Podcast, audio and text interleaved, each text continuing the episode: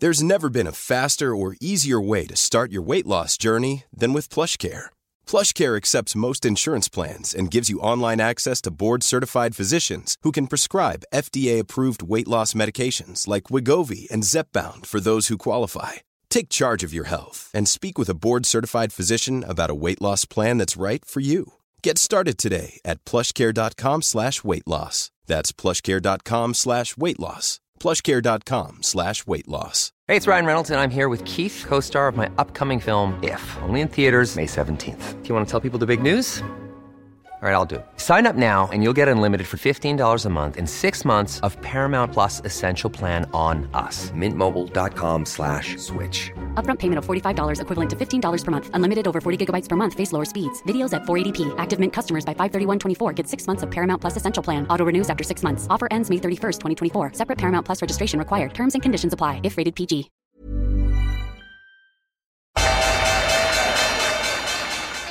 They mistook leverage for genius. Leverage for genius. I would recommend Japan. The governments don't rule the world. Goldman Sachs rules the world. Dette er episode 221 av podkasten 'Tid er penger', en podkast med Peter Warren.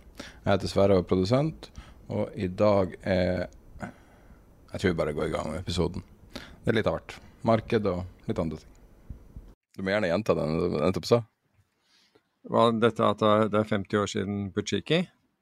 Ahmed Butsjiki? Ja, det er jo Altså Da han ble drept på, på Lillehammer jeg, jeg tror det var en av uh, antageligvis NRK som tok opp eh, eh, litt om det der på nytt igjen eh, nå. Men altså Ahmed Butsjiki som da Mossad, eh, som sendte en, en drapskommando rundt i verden for å ta livet av de som sto bak eh, München-massakren. Da, da eh, israelske OL-delegasjonen ble, ble angrepet av eh, PLO eh, i, i München.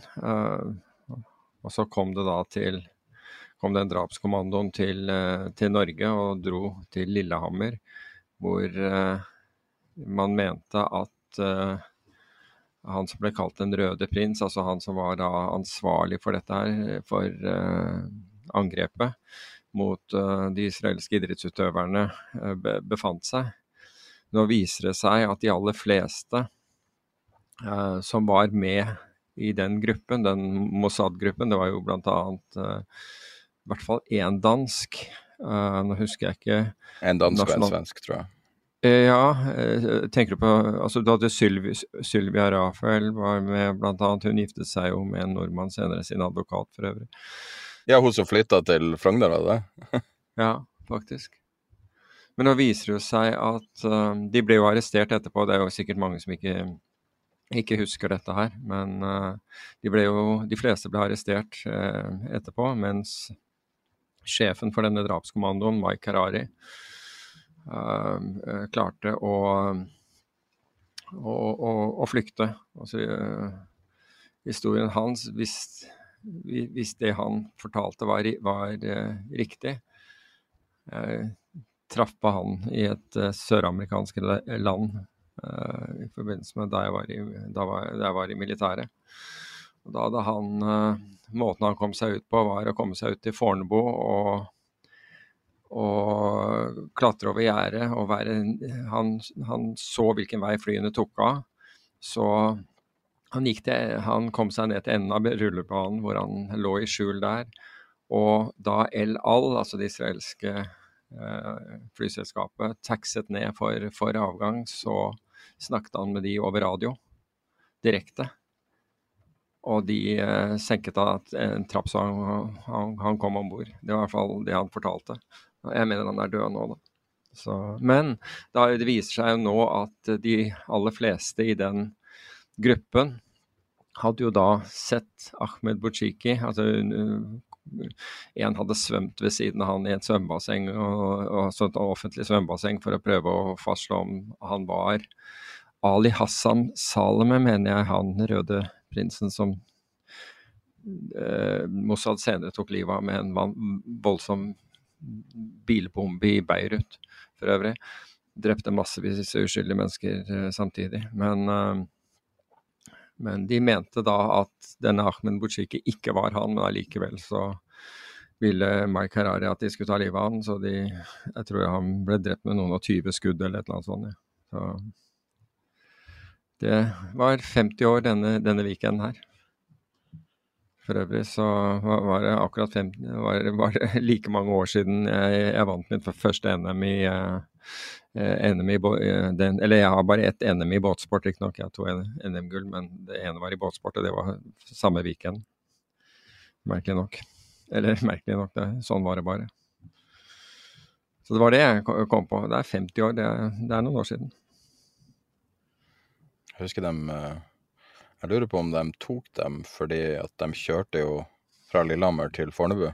Ja, var, jeg mener at det var en eller annen Det var faktisk en eller annen kjapptenkende politimann i Innlandet, eller det som er Innlandet nå, som uh, som klarte å enten uh, oppfatte eller få, få noen til en vitneobservasjon om et skiltnummer eller et eller annet sånt, som da ble, ble umiddelbart eh, ringt ned til, eh, til Oslo. Uh, og det var, altså Hadde det ikke vært for han, så hadde antageligvis alle klart å komme ut av, av landet. Isteden så ble de jo ble de jo arrestert én etter én. Jeg husker ikke hvor mange som ble arrestert, men jeg mener at en, ble, en av dem ble arrestert hjemme hos en israelsk diplomat også. Så men det var jo en rettssak som fulgte, og de, de fikk jo fengselsstraff, men, uh, men uh, ble si, benådet, tror jeg, etter relativt kort tid. Og han, Ahmed Bouchiki han han var jo hva var han, kelner eller et eller annet sånt på, på, en restaurant. Hadde familie i Norge altså, og barn og hele greia. Så jeg vet ikke om kona fikk oppreisning på, på noe som helst uh, måte. Men dette var en stor sak i 1973, det er i hvert fall helt sikkert kanskje ikke så mange av lytterne som uh, Jeg vet at uh, det Saudi-teamet heter vel Tiger Squad. Hva heter det, det tilsvarende fra Israel? Jeg, jeg husker uh, det Jeg prøver å huske om det Mossad-teamet hadde noe jeg, jeg, tror Nei, jeg husker ikke det. Jeg husker uh, bare at det De har derimot en egen Wikipedia-side som er 'attentat gjort av Israel'. Det er mange, ass. Okay. Ja. Um, og der er vel det aller første var vel på Lillehammer, tror jeg. Uh, om, omtrent. Det var noen få kanskje før det. Og det, det var jeg litt... ikke klar over. Jeg trodde de faktisk jeg trodde de uh, var godt i gang ja, da det skjedde. Jeg mener at de var i en eller annen europeisk by hvor de skjøt en av dem også, angivelig. Så det var ikke mye lov og dom der, men det var ikke mye lov og dom for de, eh, de idrettsutøverne heller, for, for, å si det på den måten. Men det var jo en sånn gigantisk F-up. Hele den aksjonen for tysk eh, politi gikk jo til aksjon når de uh, i en veldig dårlig uh, posisjon på flyplassen i, i München. Og det ble jo en massaker isteden. Så ut ifra det så opprettet da eh, tyske grensepolitiet en antiterroravdeling eh, som het GSG9, og som etter hvert ble ganske effektiv. Og det var på basis av liksom den fadesen som, uh, som hadde skjedd i forbindelse med at de forsøkte å frigi disse israelske idrettsutøverne. Jeg må si at uh, den scenen i Le Byrå, TV-serien Le Byrå, uh, der de, uh, den, en tilsvarende gruppe, dog langt mer profesjonelt enn en det som var på Lillehammer, går mot en agent nedover gangen, og de er en sånn, ja, I et sånn hotell? Kill squad. Ja. Det er ja, kanskje det skumleste jeg har sett på TV. Da fikk jeg, fikk jeg beyond makspuls, altså. ja. Og når du gir han telefonen eller gir hun han lederen telefonen. Å, for en manøver det Det er også en realistisk type manøver. Bare, wow, wow. Helt, og så, ja, så, skjønner du jo at det her er kanskje sånn som det skjer på ordentlig. Det er ganske skremmende. Ja. Altså. Ja, den er ganske skremmende. Så jeg er enig i det. Jeg, jeg, husker den. Jeg husker den. De er, de er, de er utkledd som flycrew, den, den, israelske drapskommandoen der, husker jeg. De er i hvert fall iskald. på en veldig ekkel måte. Ja. sanksjonerte ja. drapsmenn, um, sanksjonerte massemordere, liksom. Det er ganske sykt ja. å være.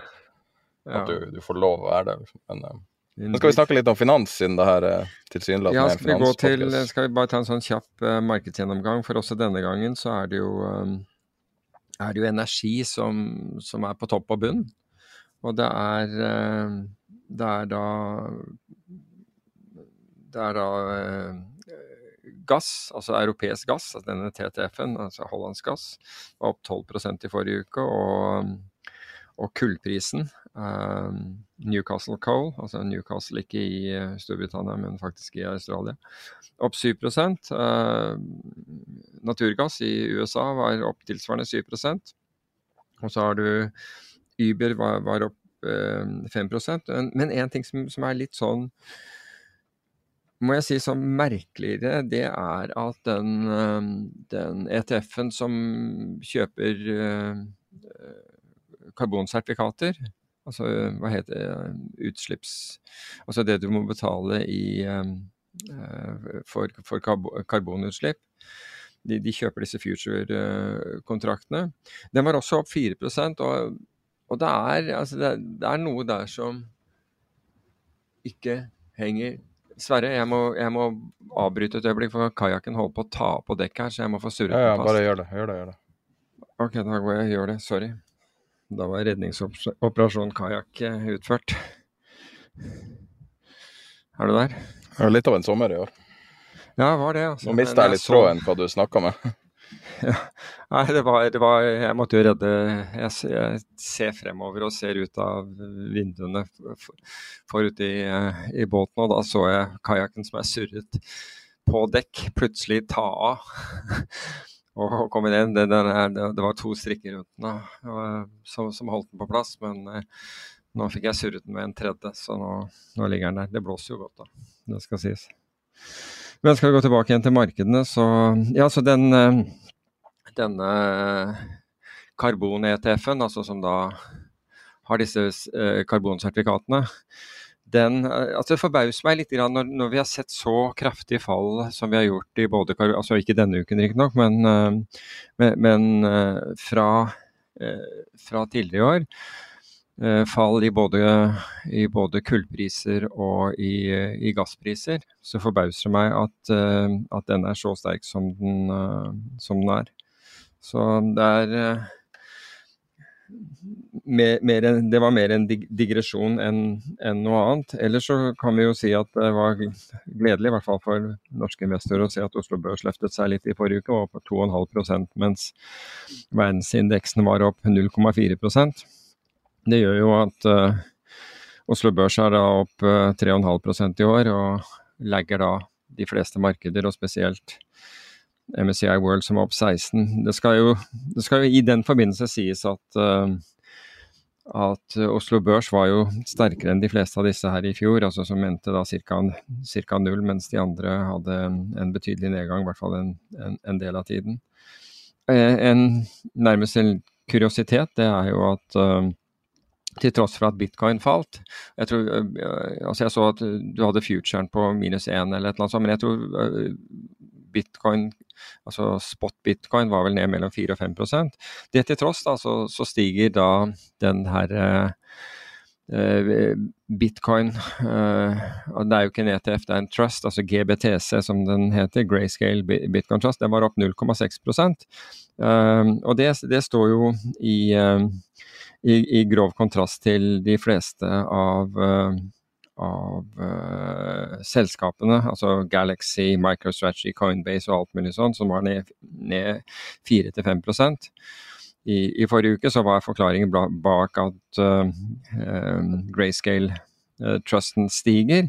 Jo, det er rett og slett at rabatten er kommet inn. Så den hadde jo tidligere i år en rabatt på over 40% i forhold til bitcoinene som den sitter på. Det alt den sitter på er, er bitcoin. Eh, Den hadde som sagt en rabatt på over 40% og den har nå krympet inn til 26 Så det er det som gjør at, eh, at bitcoin-trusten var faktisk opp, mens bitcoin uh, var ned. På den, på den negative siden av markedet, da, så gledelig for, for, for nordmenn, men er, er, litt til, ettertanke, ikke akkurat dette, men det er at nordiske kraftpriser for levering i fjerde kvartal var ned 11% Skal komme tilbake til det om et øyeblikk. Tesla var ned 8% bulkrater var, var ned, ned 6% Hvis vi går tilbake til det med, med Det er debattert frem og tilbake på Twitter en del, dette her med, med strømprisene. Og mange er altså DN mente jo at, at uh, nå klaget ingen på, på, disse kablene, fordi vi hadde jo negative strømpriser i noen dager osv. Eller én dag egentlig, men, men uh, har hatt det ved noen andre timer. Men det, må, det, vi må huske på her, det er jo at hvis, hvis det skulle være, bli slik at vi får så, så mye ekstremvær at uh, at strømprisen blir negativ, så er ikke det bra. Bare så det, det er klart. Altså, eh, hva skal norske kraftprodusenter hva skal de gjøre? De vil da måtte stenge ned for ikke tape penger hver eneste dag. Og tror vi som nasjon at det er en fordel? Nei, på ingen måte. Så det at vi hadde forutsigbarhet i, i prisene tidligere, og, og, har mistet den, det, også, det, det virker begge veier. Har vi negative strømpriser, så er det ingen som vil, vil bygge, ut i, bygge, ut eller vedlikeholde uh, kraftnettet i Norge. Hvorfor skal de gjøre det? De taper penger hver eneste dag. Og da gjør vi oss igjen helt avhengig av andre former for kraft, i håp om at de kan levere kraft til, til, en, til en, pris hvor, hvor, det blir lønnsomt. Så det er en sånn Det er delvis lite gjennomtenkt, en del av argumentasjonen man, eh, man leser. Også, og preges mer av uh, reflek, altså sånn, uh, refleksreaksjoner. Imp, ja, mangel på impulskontroll, nesten. Uh, det, det, vi ser. Fordi man forstår ikke at altså, For at noen skal utvikle kraft i Norge, så må kraft være lønnsomt. Og det, det var det og har vært i lang, eh, i lang, tid, men så ble det helt ekstremt da man, eh, da man gikk for å øke eh, eksportkapasiteten fra Norge. Og rett og slett gi bort prisbildet, altså prisfastsettelsen, til Europa. Prisfastsettelsen av norsk kraft er ikke lenger i Norge den, er, den, befinner seg i Europa, for der har de større behov enn det vi har i Norge, og derav kan betale uh, mer for den. Så det vi gjorde, var å gi bort kontroll over prisen. Og det er ikke heldig, uansett hvordan du vrir og vender på dette, etter min oppfatning. Men ikke, det er ikke meningen å ta den, den uh, diskusjonen her nå, men jeg syns at det er verdt å verdt å være innom den eh, debatten, siden det er strømpriser det er noe som vekker emosjoner. altså Det er helt klart. Det er kanskje bra også, for, for så vidt. altså hvis du, det, Man kan jo også kalle det engasjement, og det må man. Og det er jo bra, for all del. For øvrig så så jeg, fordi du hadde på listen, at Robin Hood er opp 57% i år. Eh, lenge siden jeg har hørt noen snakke om det, men jeg vet, har du fulgt dem? Nei. Nei, det har vært eh, Det har vært lite interesse for, eh, for HUD. Det, jeg vet ikke helt hva det er. Det er jo bare en megler, liksom. Det er jo ikke så interessant i utgangspunktet. Så det var jo det ja. at det var så vanvittig mye. Men hvor mye de er, må jo være veldig mye ned fra toppen, ja da. Den pika på vel rundt 55 og ligger på 12 nå, så det, det er litt sånn okay. tilfelle av russiske prosenter, det er 50 prosenter. Jeg skjønner. Jeg har ikke, jeg har ikke fulgt dem, men uh, men uh, de gutta ble jo styrtrike, husker jeg, så Så ut som uh, En venn av meg var jo milliardær på et tidspunkt pga. det der, og han satt med hele veien ned, tror jeg. Howard. Å oh, ja. Har han investert i, i Robin Hood? Han var jo venture, sånn uh, oh, ja. seed-investor. Mm. Så det var hans, den tingen han har venta på i um, hele sin karriere. Og så hadde vi han, husker du ikke vi hadde han som gjest i podkasten der han snakka om det? Jo, da husker jeg etterpå så spurte han skal, så har du solgt. Så bare nei, nei, det her skal sitte med resten av livet. Så, ja vel. Kanskje vi skulle Det var verdt en milliard. Var det en, var en Patrion-episode? Eller var det en vanlig episode? Jeg tror kanskje det var før vi begynte med Patron, eller akkurat i starten.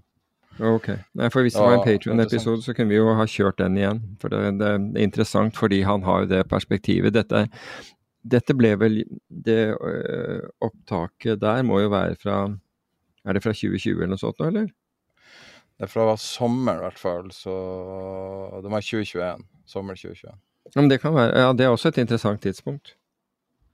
Så Nei ja, det var bare en, en digresjon. Ellers så så jeg for øvrig at Citadel eh, nå bygger ut elektronisk handel av, eh, i selskaps, altså kredittobligasjoner, men det er investment grade, og mener at det er godt egnet for, eh, for elektronisk handel, og på tide å flytte det fra liksom den, eh, den steinaldermåten man, man handler det på, altså telefonmarked. Mens de er helt tydelige på at kvaliteten, som de kaller det, kvaliteten på data på, på high yield, er så dårlig at, at de vil ikke borti det. Så, Er det noe data nesten i det hele tatt? Det er litt transaksjonsdata, men det er jo virkelig ikke mye, altså. Er det Nei, det er en verden som er blitt vant til uh, tikkdata på aksjer og uh, price discovery uh, nesten døgnet rundt? Det er ganske sjokk å møte yield da. Ja, det, det, jo, det gjør jo også at det er mye vanskeligere for, eh, for marketmakerne i f.eks. en eh, HIG og JNK ETF-ene E for high yield. Og, og priser det, altså å få gjort altså få priset det riktig, da. Fordi det underliggende markedet er delvis sånn telefonmarked, delvis sånn du ser det på Bloomberg, men, du, men de som stiller priser er ikke nødt til å stå ved dem osv. Så, så det er jo ikke enkelt. Og når du tenker på at de ETF-ene er mange ganger større enn det underliggende markedet, så, så, så har du et eh, interessant uh, beist der, altså, som, som det handles i. Så det er litt spesielt. Jeg har alltid hatt litt problemer med HIG eh, som et konsept på grunn av at på en måte så Hvis du skal uttrykke en trade, så syns jeg det er en ganske dårlig måte å uttrykke en trade på. For det er jo veldig ofte en generelt negativ, altså en generelt bearish trade. Og da Du kan selvfølgelig gire den, da, men det er et marked som på grunn, nettopp pga. manglende visibilitet, manglende eh, informasjon, egentlig, og, og ikke minst det at du det trenger ikke å, å endre seg fordi at markedet er nesten manipulert, for det er så lite. Mm. Det er så lite handel. Så, så jeg har alltid hatt litt sånn Jeg, jeg vet ikke om det er en bra måte å trade på, men uh, du har vel sikkert handla i den, skal jeg tro. Jeg har handlet den, jeg har også handlet opsjoner i den, og jeg har også handlet uh, opsjoner i den. Altså vært uh, gått short den og, og gjennom put-opsjoner, kjøpt put-opsjoner på den og utstedt autonomani put-opsjoner på, eh, på, på aksjeindekser Hva var motivasjonen for å trade det? misforhold mellom, eh, mellom eh, den spredden, altså den meravkastningen som du betaler for Eller som, som du får for high yield, og aksjemarkedet, rett og slett. Um, at, du, at du rett og slett fikk altfor Altså aksjemarkedet tok hensyn til, eh, til bl.a. at renten Dette var øh, over et år siden. At renten var, var, eh, var opp. altså med Aksjemarkedet hadde falt ganske kraftig.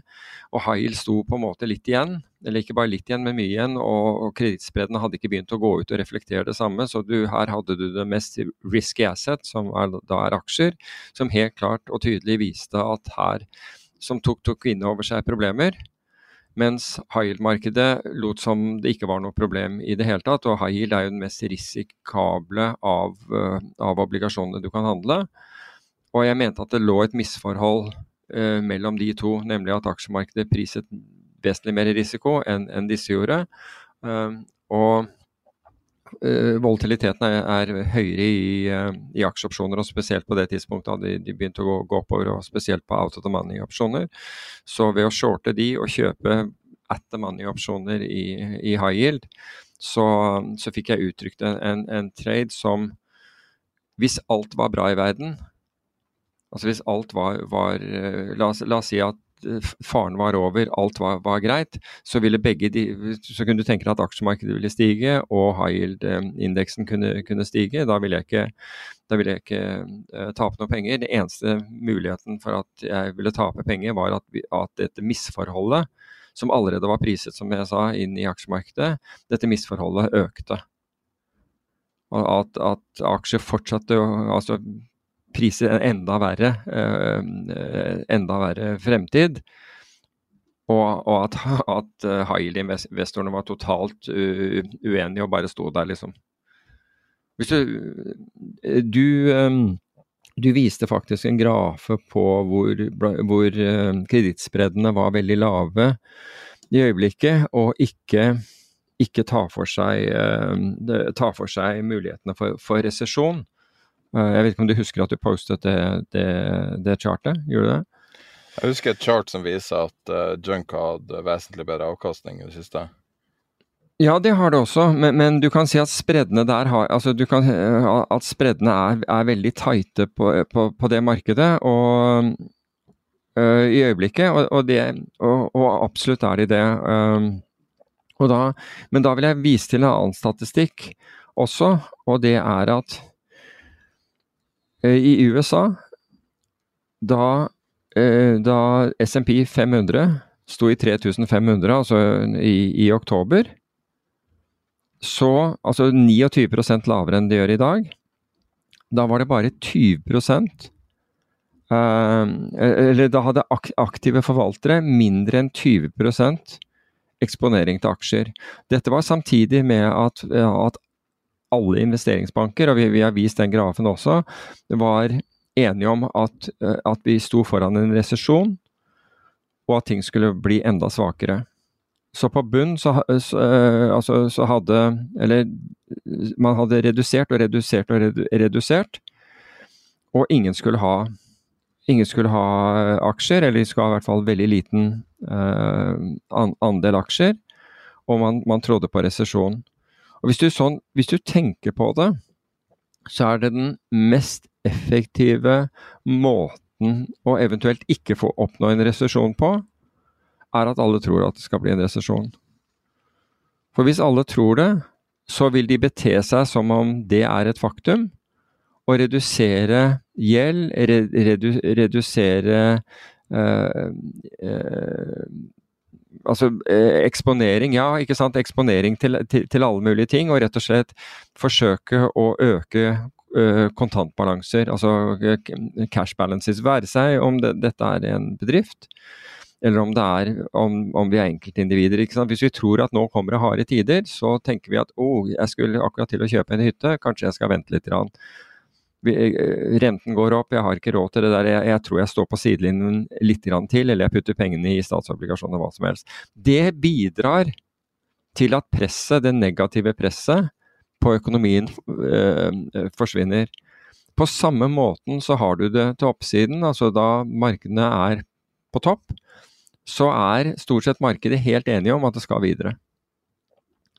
Og, og vi, vi, snakket jo om dette da, da P-ene var skyhøye. Uh, og, og Euronex Growth, hele saken, det skulle jo bare, alt skulle jo bare vokse videre. Og da er du jo nettopp i modus for at det går den andre veien. Fordi det er ingen som tenker på risiko. Alle er makset ut på, på risiko. Og den minste ting kan da velte Uh, eller, eller, få, få bøtten til uh, Det er liksom dråpen som får begeret til, å, uh, til å, å, flyte over. Altså den ene dråpen gjør plutselig at, at, man er nødt til å redusere risiko. Og i forbindelse med det der at kredittspreddene er så lave som de er i øyeblikket, altså mm, påslaget og utover, utover den risikofrie renten er så lave, det betyr at investorer er villige til å til å låne ut penger til usikre bedrifter, økonomisk usikre bedrifter, til den laveste marginen, eh, er et sånt tegn. Det jeg nevnte med at disse aktive forvalterne hadde mindre enn 20 eksponering til, til, til aksjer, da eh, SMP 500 var på, eh, var på 3500, altså indeksen var på 3500. I dag er vi da 29% høyere. Altså på 4500 uh, poeng er, er indeksen. Og nå har de aktive forvalterne 99% av porteføljene sine mot aksjer. Så vi har gått fra den ene ekstreme til det andre. Vi har den høyeste eksponeringen mot aksjer Og den har kommet nå, i det siste. Den har kommet brått, for vi har snakket om at, de, at, at veldig mange fond var, under, var, fortsatt, og veldig mange porteføljer og pensjonskasser osv. var undervektet aksjer. Nå har man bråsnudd seg etter denne oppgangen. Ikke i begynnelsen av denne oppgangen, men helt nå mot slutten. Og vi har nå den høyeste eksponeringen siden november 2021. Eh, Så det er ikke, som sagt, det er ikke nødvendigvis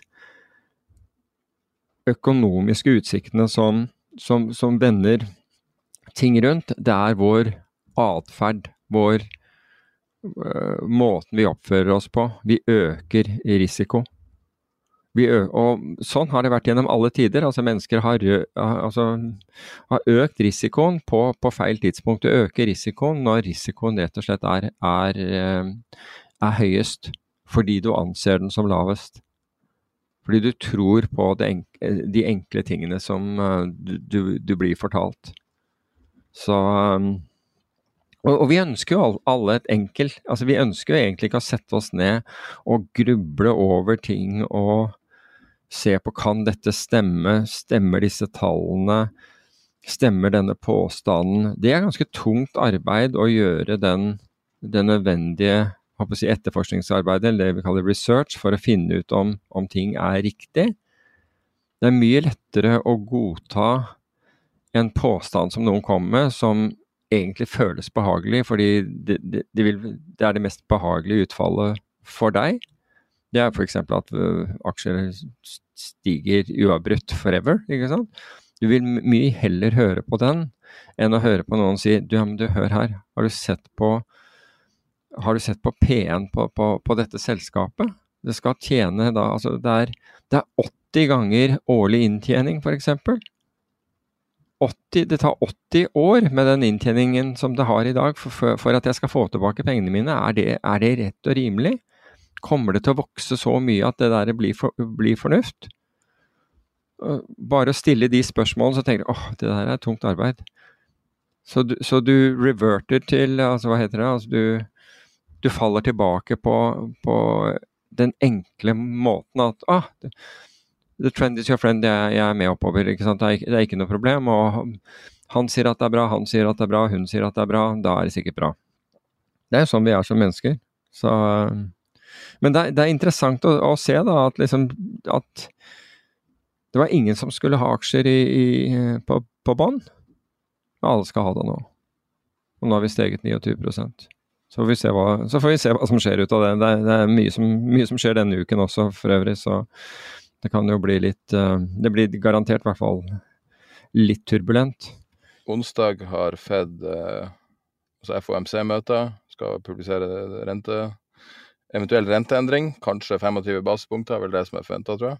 En eh, lang rekke selskaper legger frem inntjening denne uka. Microsoft, Alphabet, Meta, Snap, Intel, Spotify, Rocker, McDonald's, Chipotle, Coca-Cola, Visa og masse andre. Um, så det er Det blir interessant å se visibilitet og se For at vi blir fortalt at ting har snudd og inflasjonen er på vei ned og liksom tilsynelatende alt er på bedringens vei. Men den plassen du kanskje ser det tydeligst, vil være på resultatene til selskapene. Har noe mm. endra seg? Forrige kvartal var det veldig udramatisk, og det var ganske positivt. Så det blir interessant å se denne gangen. Absolutt.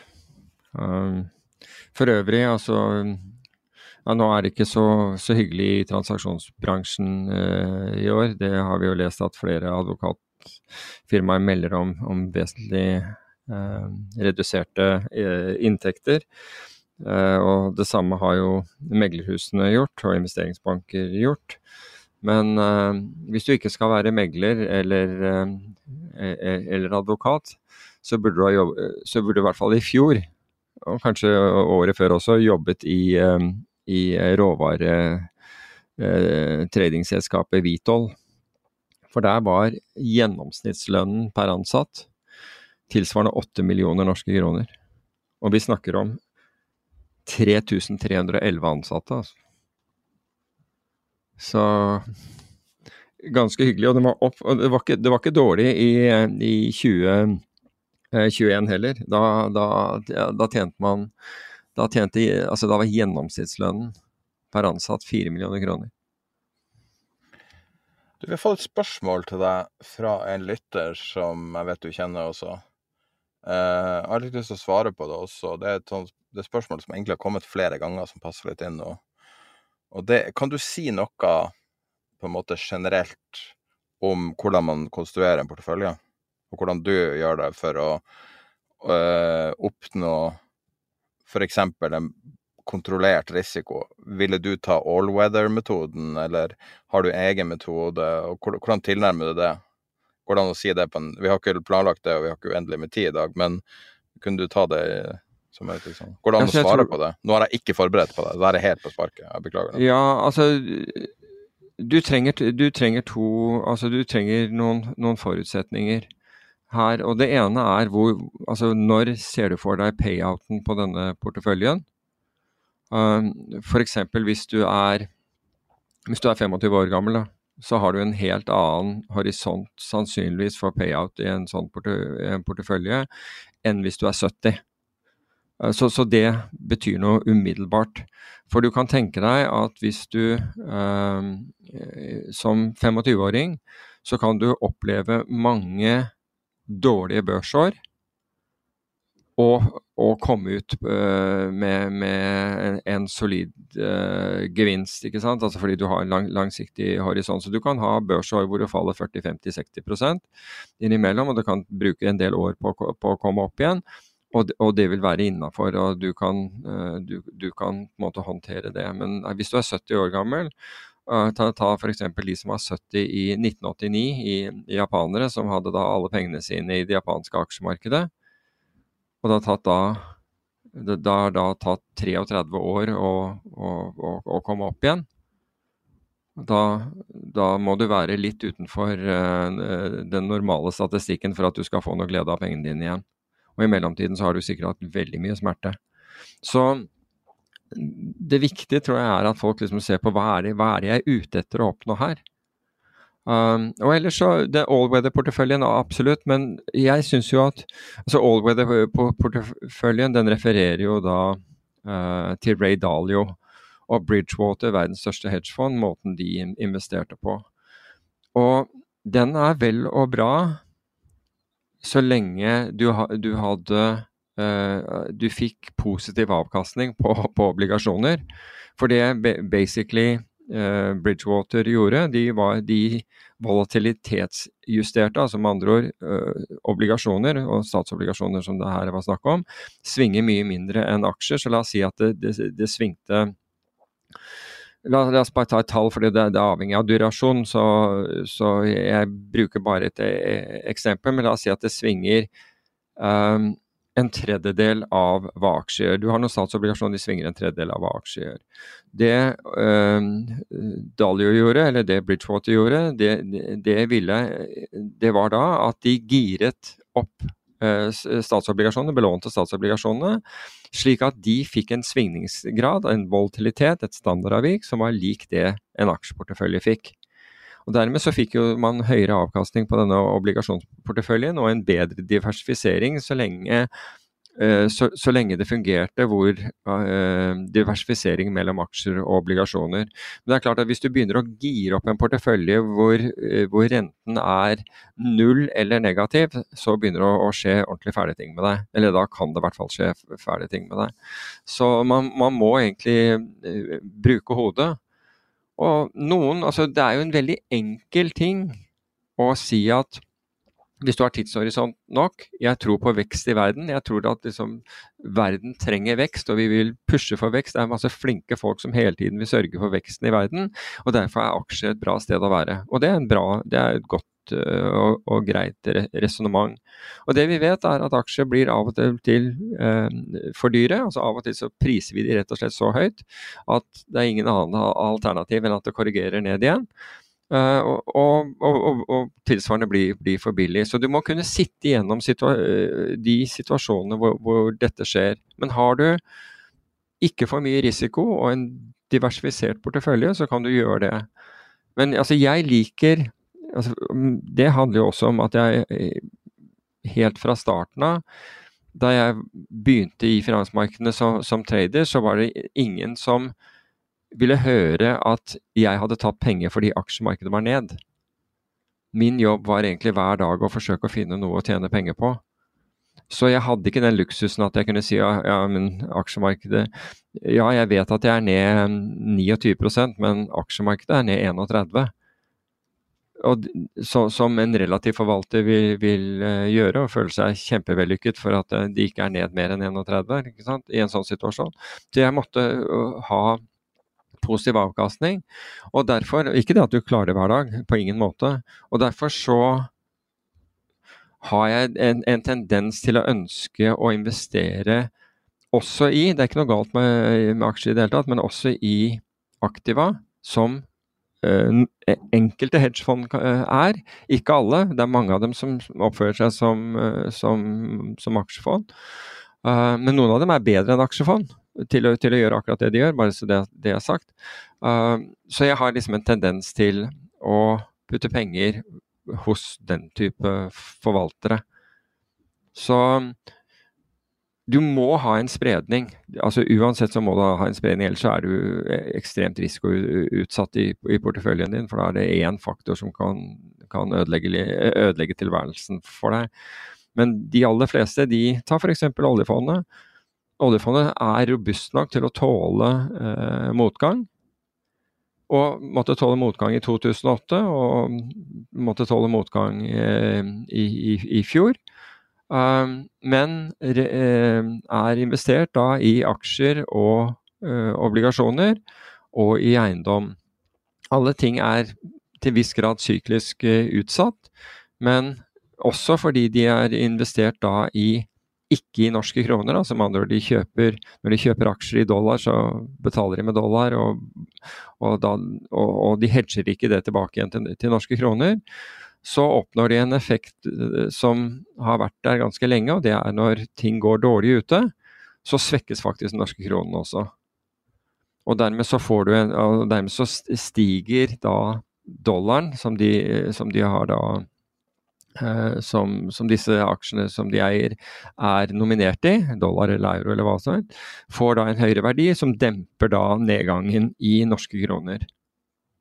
Så det er my mye fornuftig med det, og, og, og, saken er å det er å forsøke å gjøre det så enkelt som man, uh, man kan. Men hvis du ikke, det er som alt annet, hvis du ikke vet hvor du vil og skal, uh, så, er det, så er det jo bare tilfeldig om du kommer dit, for å si det på den måten.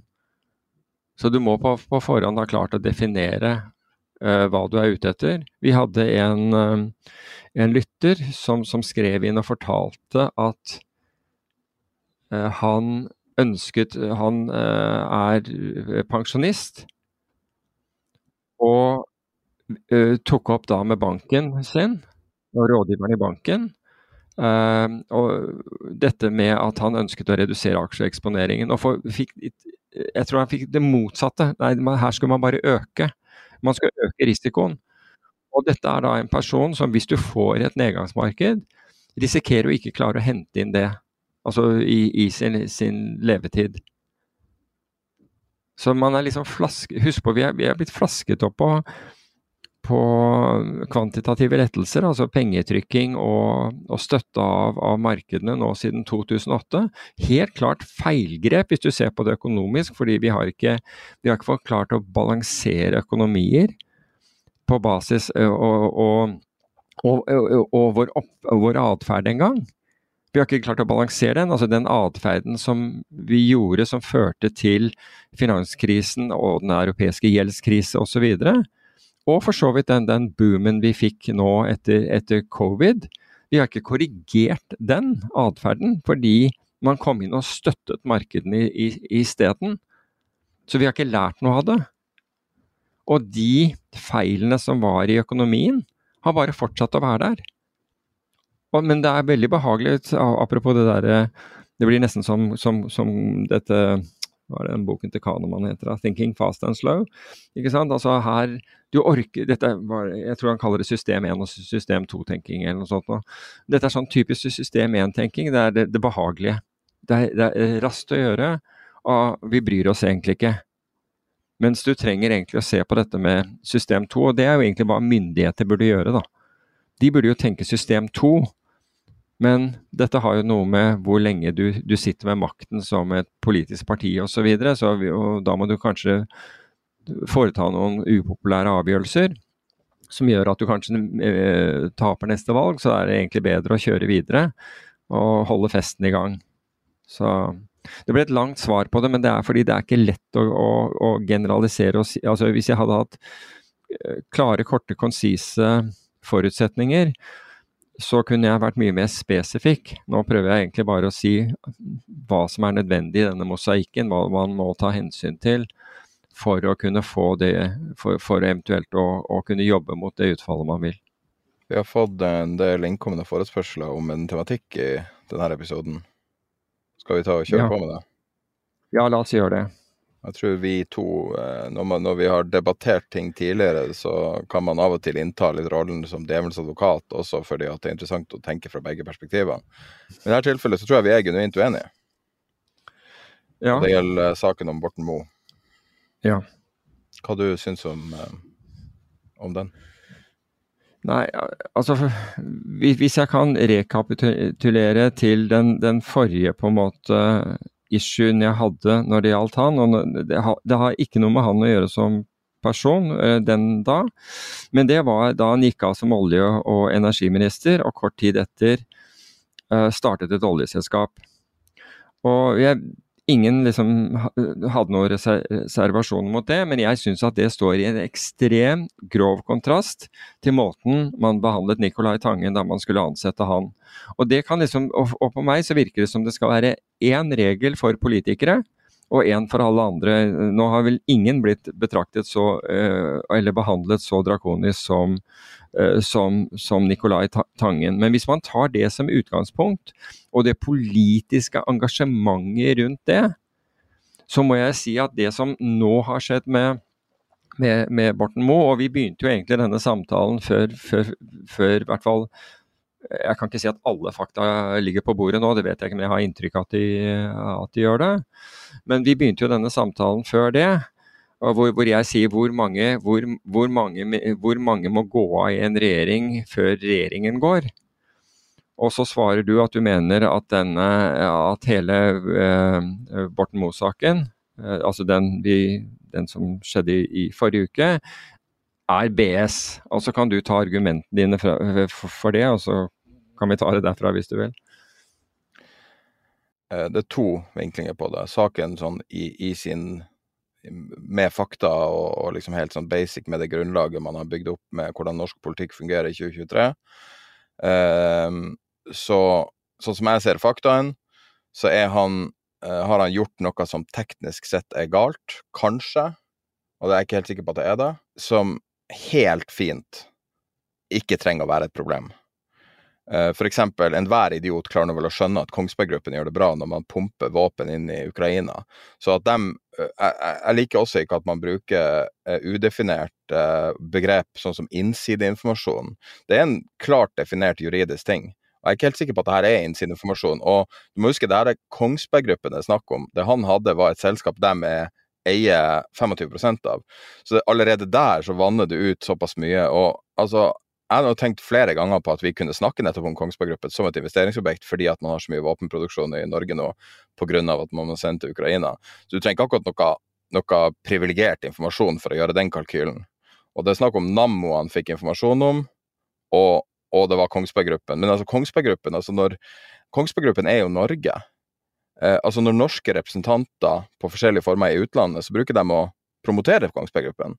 Kongsberg Gruppen er Norge. Norge er, har lange lange tradisjoner for å selge våpen. Altså, Norge var hoffleverandør av våpen til eh, amerikanske hæren i 1905, når det var eh, Spanish American War.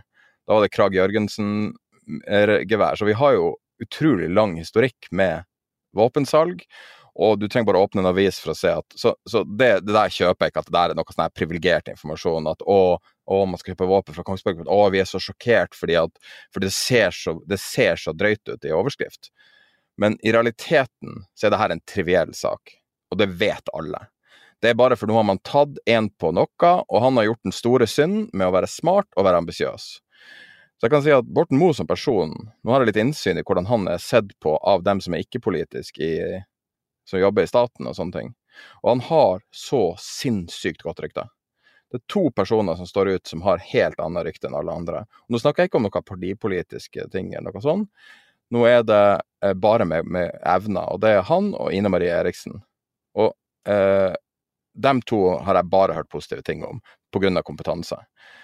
Og men det, det, egentlige argumentet mitt for det her er at jeg bryr meg ikke om fakta i saken. Jeg, jeg så det med en gang, skjønner hva det er, og nå skal de ta han. Nå skal de ta han fordi at han gjør den store synden i å prøve å være næringslivsleder og, og, politiker. Han prøver å gjøre noe, han prøver å bygge verdier, og det er helt forferdelig i Norge å prøve å bygge verdier. Så eh, nå har man klart å miste kanskje den mest kompetente politikeren man har, i hvert fall i regjeringa pga. en triviell sak, der man klarte å ta Så kan journalister sitte og skåle med champagne fordi har klart å kaste en minister, som jeg aldri har skjønt hvorfor er så bra, men det er jo den største premien i journalistikk.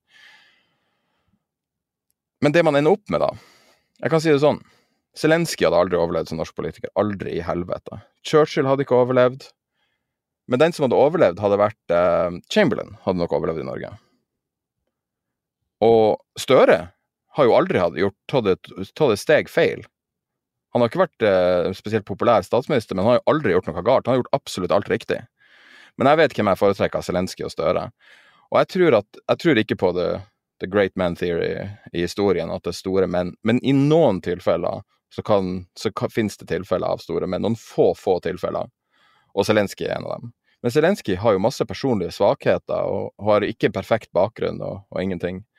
Så mitt syn er at hvis vi etterstreber å ha folk som har bare et teknisk sett plettfritt rulleblad, så ender vi opp med en masse, masse Chamberlainer i norsk politikk. Og kanskje vi allerede har det. Fordi det handler om å ikke bli tatt i noe. Det handler ikke om hva du kan, det handler ikke om hva du kan gjøre. Nå har vi faen meg tatt han. Det er liksom det er det. Sånn som politikere, de klarer å jage ut alle verdiskaperne i Norge, Steinar Hagen f.eks., eller hele familien. Og så bare ja, nå har vi faen meg tatt han. Så bare ja, gratulerer. Er du fornøyd nå? Syns du det, verden har blitt bedre? Og, og, det er litt sånn det jeg sitter igjen med her. Så jeg bryr meg ikke om faktaene i saken. Jeg har sett litt på faktaene, og det er ikke noe Det her er, det her er en triviell Det her er som en Toblerone til den svenske politikeren. Men hvis det er sånn politisk system vi vil ha, så kommer vi til å ende opp med så middelmådige, eh, ryggradløse veklinger av noen politikere som er livredd for å bli tatt i Altså, for, for, å sitere han Mimir, han, eh, han Rødt-politikeren. Han ble intervjua av en norsk komiker som heter Erlend Mørk i sin podkast. Og der sa han at hvis du har vært selvstendig næringsdrivende noen gang, så er du diskvalifisert til å være politiker. For det er nesten umulig å ha fulgt alle ting til punkt og prikke. Og i norsk politikk så må du ha gjort alt perfekt, ellers så blir du knust. Av en eller annen, sånn, og det kalles skandale. Det er mitt syn um, altså, jeg, jeg, er uenig med deg men, uh, i dette her, og jeg, jeg, er uenig med deg fordi også fordi han selv har tilstått at han har brutt uh, reglene. Og disse reglene er, er klare. Uh, og, og, jeg men jeg deler det synet uh, som du har, at Borten Moe er en, en flink fyr. Det gjør jeg. Jeg, jeg, jeg har ingen, ingen, reservasjoner der uh, whatsoever. Men jeg mener jo at og, og, som han selv bekrefter, er at han har, uh, har begått brudd. Uh, han har jo også Det er jo Altså, han deltar i en regjeringskonferanse eller et regjeringsmøte hvor man beslutter hvor man beslutter å utvide kjøp av ammunisjon. Betydningsfullt, eh, betydningsfullt kjøp av ammunisjon til, eh, til Kongsberg, og kjøper da før dette blir, kjøper av aksjer før dette blir kjent. En annen ting er det jeg, og dette er, her er jeg på, på, på, tynn is, men jeg bare lurer, for jeg ser alle disse beløpene er like i underkant av 500 000 kroner. Er 500 000 kroner no, noen, noen regel eller en, noen terskel for, uh, for, enten at det utløser et eller annet melde, melding eller, eller, noe rundt deg. Altså, jeg, det, var, det, var, nærmest sånn tilfeldig at jeg jeg så at alle beløpene var, som han hadde investert i forskjellige selskaper, var rett under der. Eller det kan være bare en porteføljejustering fra hans side.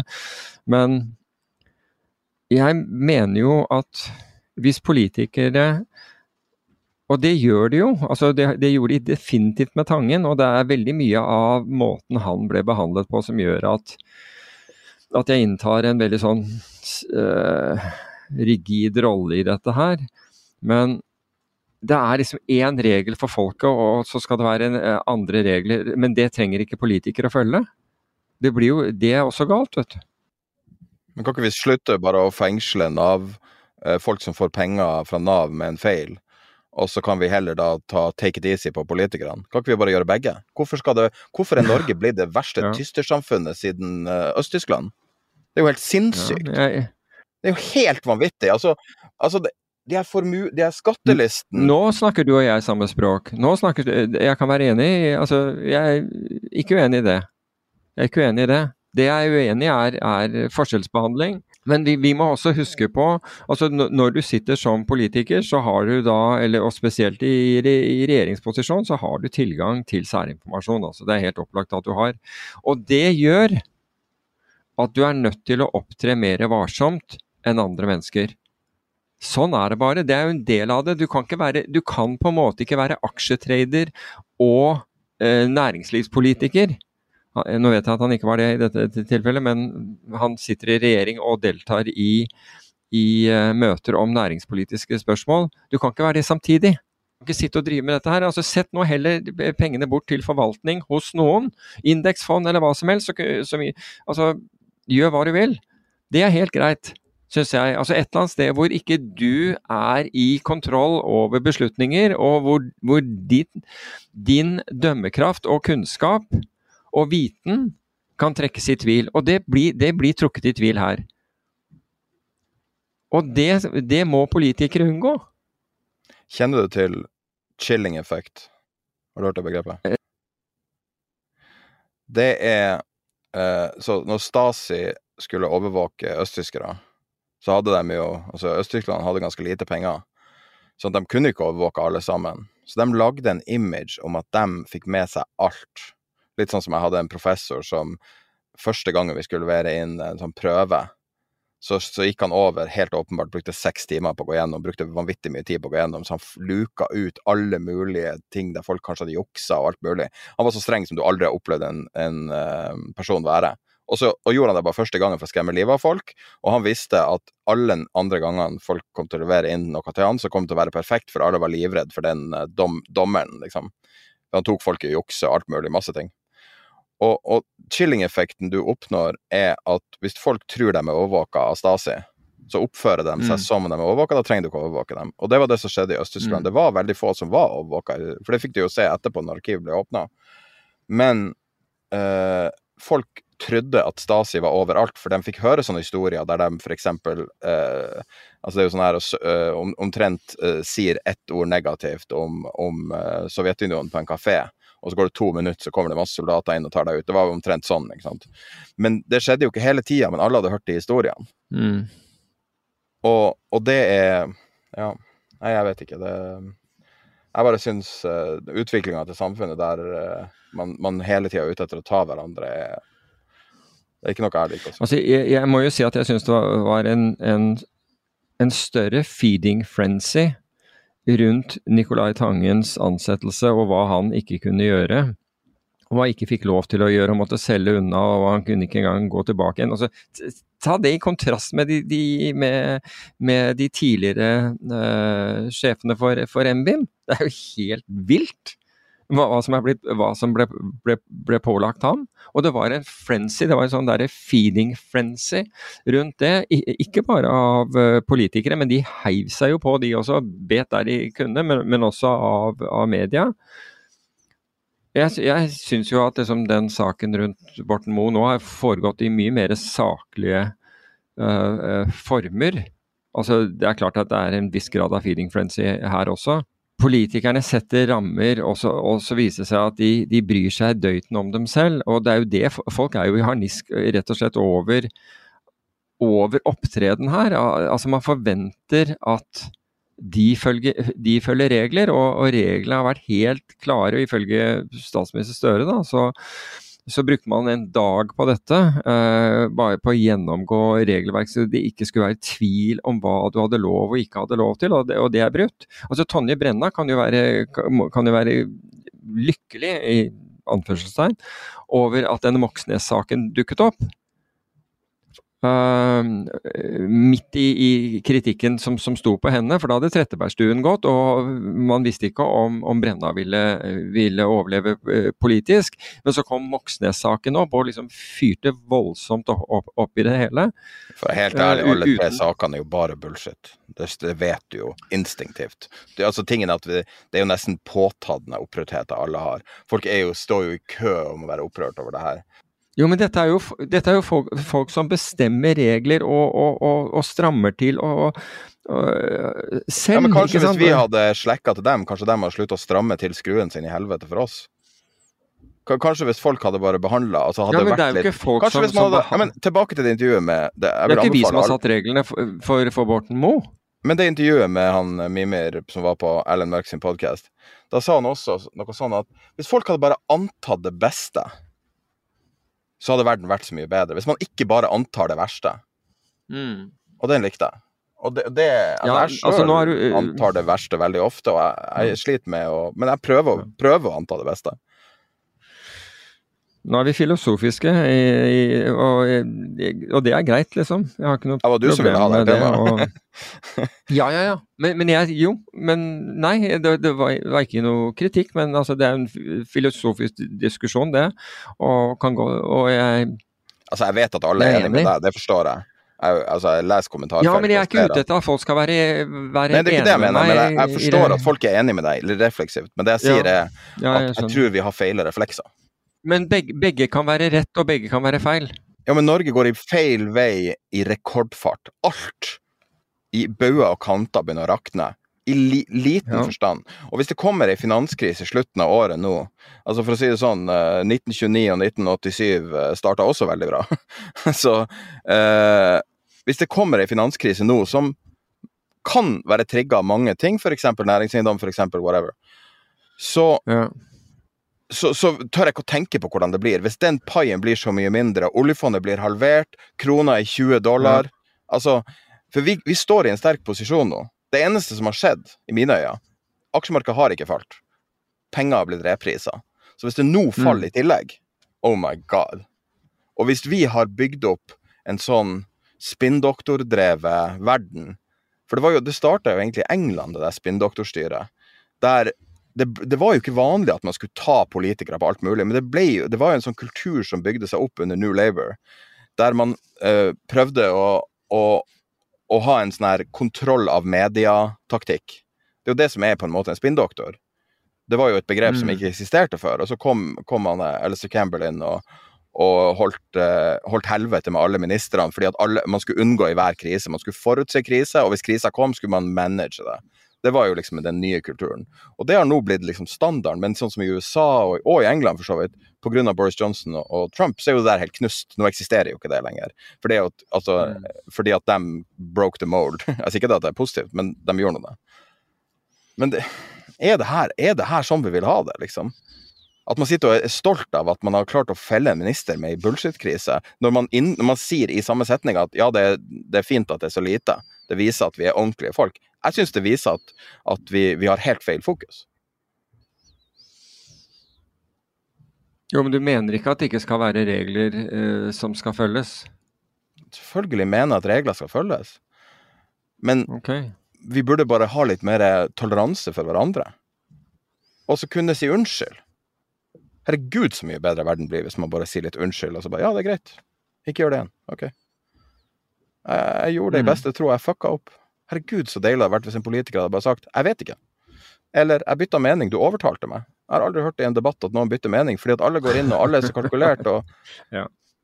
Ikke det meninga at Altså, hvis man bare hadde vært hyggelige med hverandre altså, Jeg ble jo linket til det der Erlend Mørk-intervjuet med Mimir, for det var virkelig opplysende. Jeg har aldri hørt hvordan politikk fungerer fra innsida. Men det er bra. Det er en bra avslutning på, på akkurat det temaet også. og um, uh, og, og linke til det. Jeg skal, gjerne se det, jeg. For øvrig um, så var det, og jeg husker ikke hvem det var som, som hadde denne uttalelsen, men det var da Jeg tror det var en norsk en, Jeg mener at det var en forsker som mente at den lojaliteten som nå skifter jeg litt, nå skifter jeg tema, bare så det, det er sagt. Den lojaliteten som vi føler overfor bankene våre, altså ved at vi ikke bytter bank, som uh, Forbrukerrådet har jo vært på, på, saken flere ganger, og ikke minst nå i forbindelse med, med DNBs uh, store overskudd, uh, og, og, at de er, har de høyeste rentene, boligrentene, er at man er marinert i olje at vi er blitt marinert i olje, og de oljeinntektene har gjort at rett og slett vi er sløve. Fordi altså, det, det, går ikke på marginen hvor vi ikke har råd lenger. Altså, de som ikke har råd, de, de, bytter, men de aller fleste er rett og slett marinert i, uh, i olje. Du husker hva jeg foreslo tidligere i forrige uke? Det var derfor jeg foreslo Sette handlingsregelen til 0 å ja. Å, ja, du, ja. Det gjorde du i en privat uh, Ja, riktig. Sette handlingsregelen til null. Ja, nettopp. Ja, ja.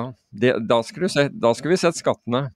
Ja, ja, men du kan jo bare kutte utgiftene. Du må jo ikke ha samme forbruket. Ja, men se på offentlig uh, sektor, da. Altså hvis du skal begynne å kutte utgiftene, så tenker jeg det er, Men det er kanskje der du mener også, at de skal kuttes. Men, men jeg tenker at det der er marinert i Men det, men, men det, er, det er, jo morsomt at, at, vi er liksom marinert i olje, men vi har ikke råd til badevann på vinteren. Fordi, på grunn av strømprisen. Det er, liksom, det er interessant. Fordi at man har tatt altså Oljefondet er jo en konstruksjon som bare altså det, er en, det er en sånn eh, politisk konstruksjon som bare ødelegger alt. Det er en sånn uh, Det er akkurat som, å, uh, akkurat som hvis du kjenner altså sånn um, Det var en som jeg uh, hørte om som var liksom sånn litt sånn familiær, og så var det for, for 100 år siden eller noe sånt. Og som en eller annen som hadde penger, og så hadde alle liksom satt liksom, Og så døde han, og så ble det så utrolig mye Nei, for alle drev posisjonerte seg for han, så hadde han ikke unger. Og det var ikke så mye penger det var snakk om, men det liksom folk posisjonerte seg som bare juling, og så, og så hadde han donert det til et eller annet, så hadde det blitt fullstendig helvete etterpå. Og, og, det er liksom Altså, det blir en sånn distraksjon på samme måte mm. som en liten formue for 100 år siden genererte. Og den distraksjonen er ja, De pengene er jo på en måte helt uten verdi. Ligger salta ned i et fond og, og, og stiger og faller med tidevannet. Uh, det er ingenting man kan, kan ikke generere meravkastning, for det er altfor stort. Du kan ikke røre det, for det er altfor stort. Folk kriger om kontroll over det, for det er så stort og så mektig. Og, og det genererer egentlig ingen reell merverdi for det norske samfunnet. Til og med oljefondet. Altså det, deler jo ikke noe med norsk finans. Det er jo helt lukka dører. Det er jo bare, det er jo ingen, det, vi, vi, tjener jo ingenting kompetanse på oljefondet. Og da tenker jeg bare, kan, ikke vi bare altså, Jo, vi tjener jo kompetanse på det. Hvor da? NBIM er jo helt fantastisk, men det er jo innad i NBIM. Jo, på, jo, på sett og Altså, ja og nei. Jeg tror det lekker, det lekker over Jo, jeg er uenig med deg. Det, det lekker over uh, som kompetanse i norsk finans, delvis gjennom det årlige og andre seminarene som uh, som NBIN har for, eh, for, eh, for, så vidt norske og internasjonale eh, utøvere av, av, finans. Det er den ene. Det andre er at folk fra oljefondet også etter hvert søker, søker seg jobb i det private næringslivet, og, og da bidrar til å, å, trekke over kompetanse der. Og også på det tredje, er, det, det tredje er jo at gjennom de, gjennom de, ressursene som oljefondet har, så, så kan det heve altså he, det, det, bidrar til å heve forvaltningskompetanse generelt. Ikke bare på et nasjonalt nivå, men også på et internasjonalt nivå.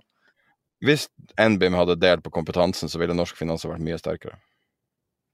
Hvis NBIM hadde delt kompetansen, for der er det ekstremt høy kompetanse innad i veggene der. Jo, men, men, jeg, ja, men jeg, mener at de, de gjør det. altså de at de, de, ja, Jeg syns det er ganske spinkle effekter du snakker om der. altså.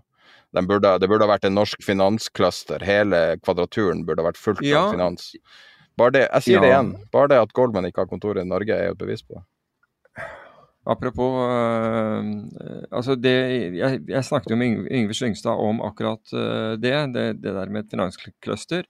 Men der var man rett og slett engstelig for at hvis noen deltok i det og gjorde, gjorde for bra, så ville det bli et problem også. Og det skjønner jeg godt, fordi han hadde den, den, den investeringen de gjorde i det, i det svenske eiendomsfondet, som, som, tjente så voldsomt at, at politikerne kom på banen fordi de hadde, det fondet hadde suksesshonorar, altså en andel av gevinsten.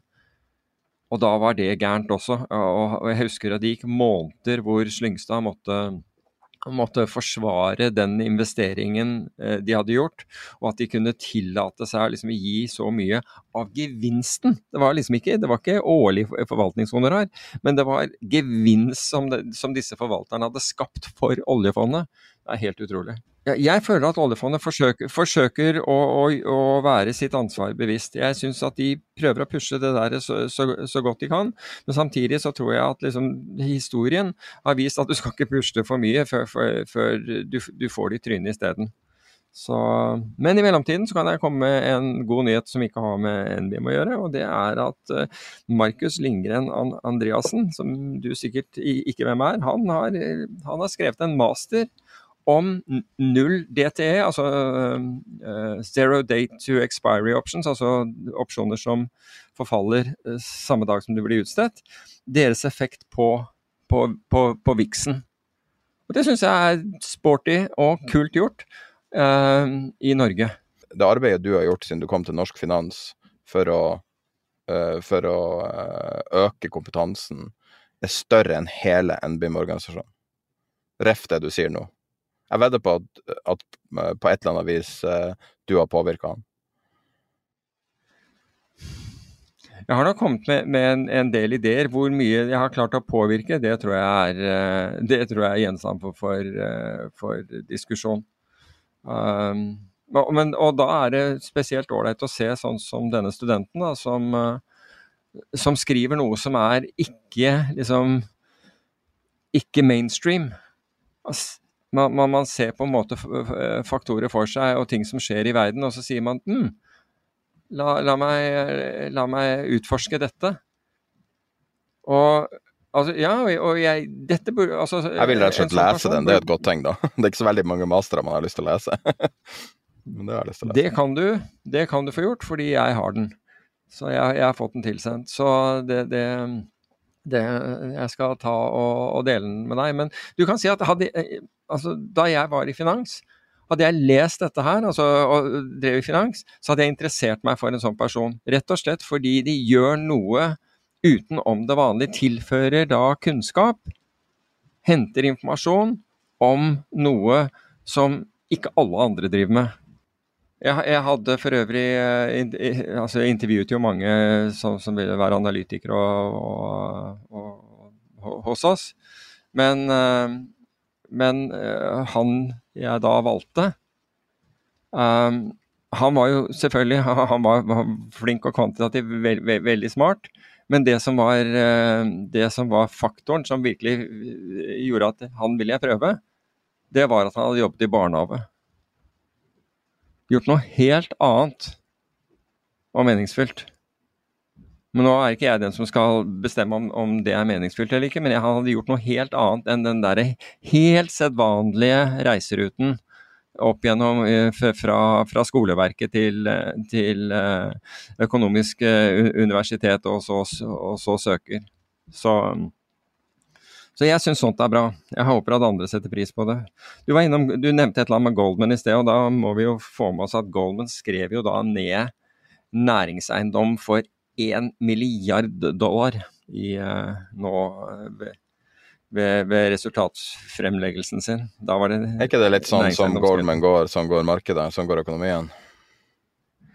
Jo, det har jo, det har jo vært det. Men jeg, jeg hørte på en, eh, en, en, Goldman conference call i begynnelsen av forrige uke, var det vel, tirsdag eller onsdag.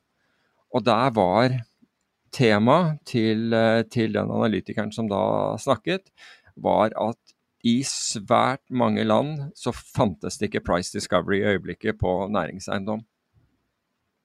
Og med andre ord, der sitter man bare og håper, à la det man gjorde med high yield under finanskrisen, på at liksom stormen skal blåse over.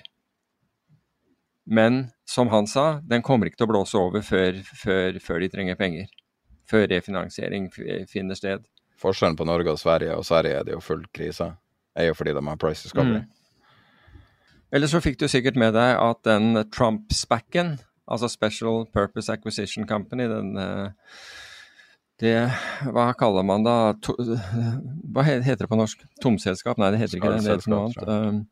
Hva kalte du det? Børsskall eller skallselskap eller Ja, eller annet. ja børsskallet. Ja, ja, riktig. Eh, Det skallselskapet, det har nå Det vedtok, eller det eh, SEC godtok eh, en At de betalte 18 millioner dollar, så, kunne de, så vil de trekke, trekke søksmålet.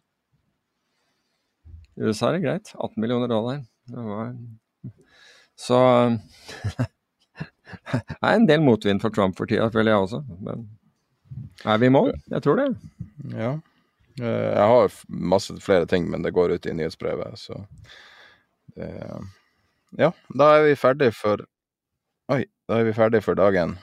Så er vi tilbake neste mandag med ny episode. Ha ei fin uke.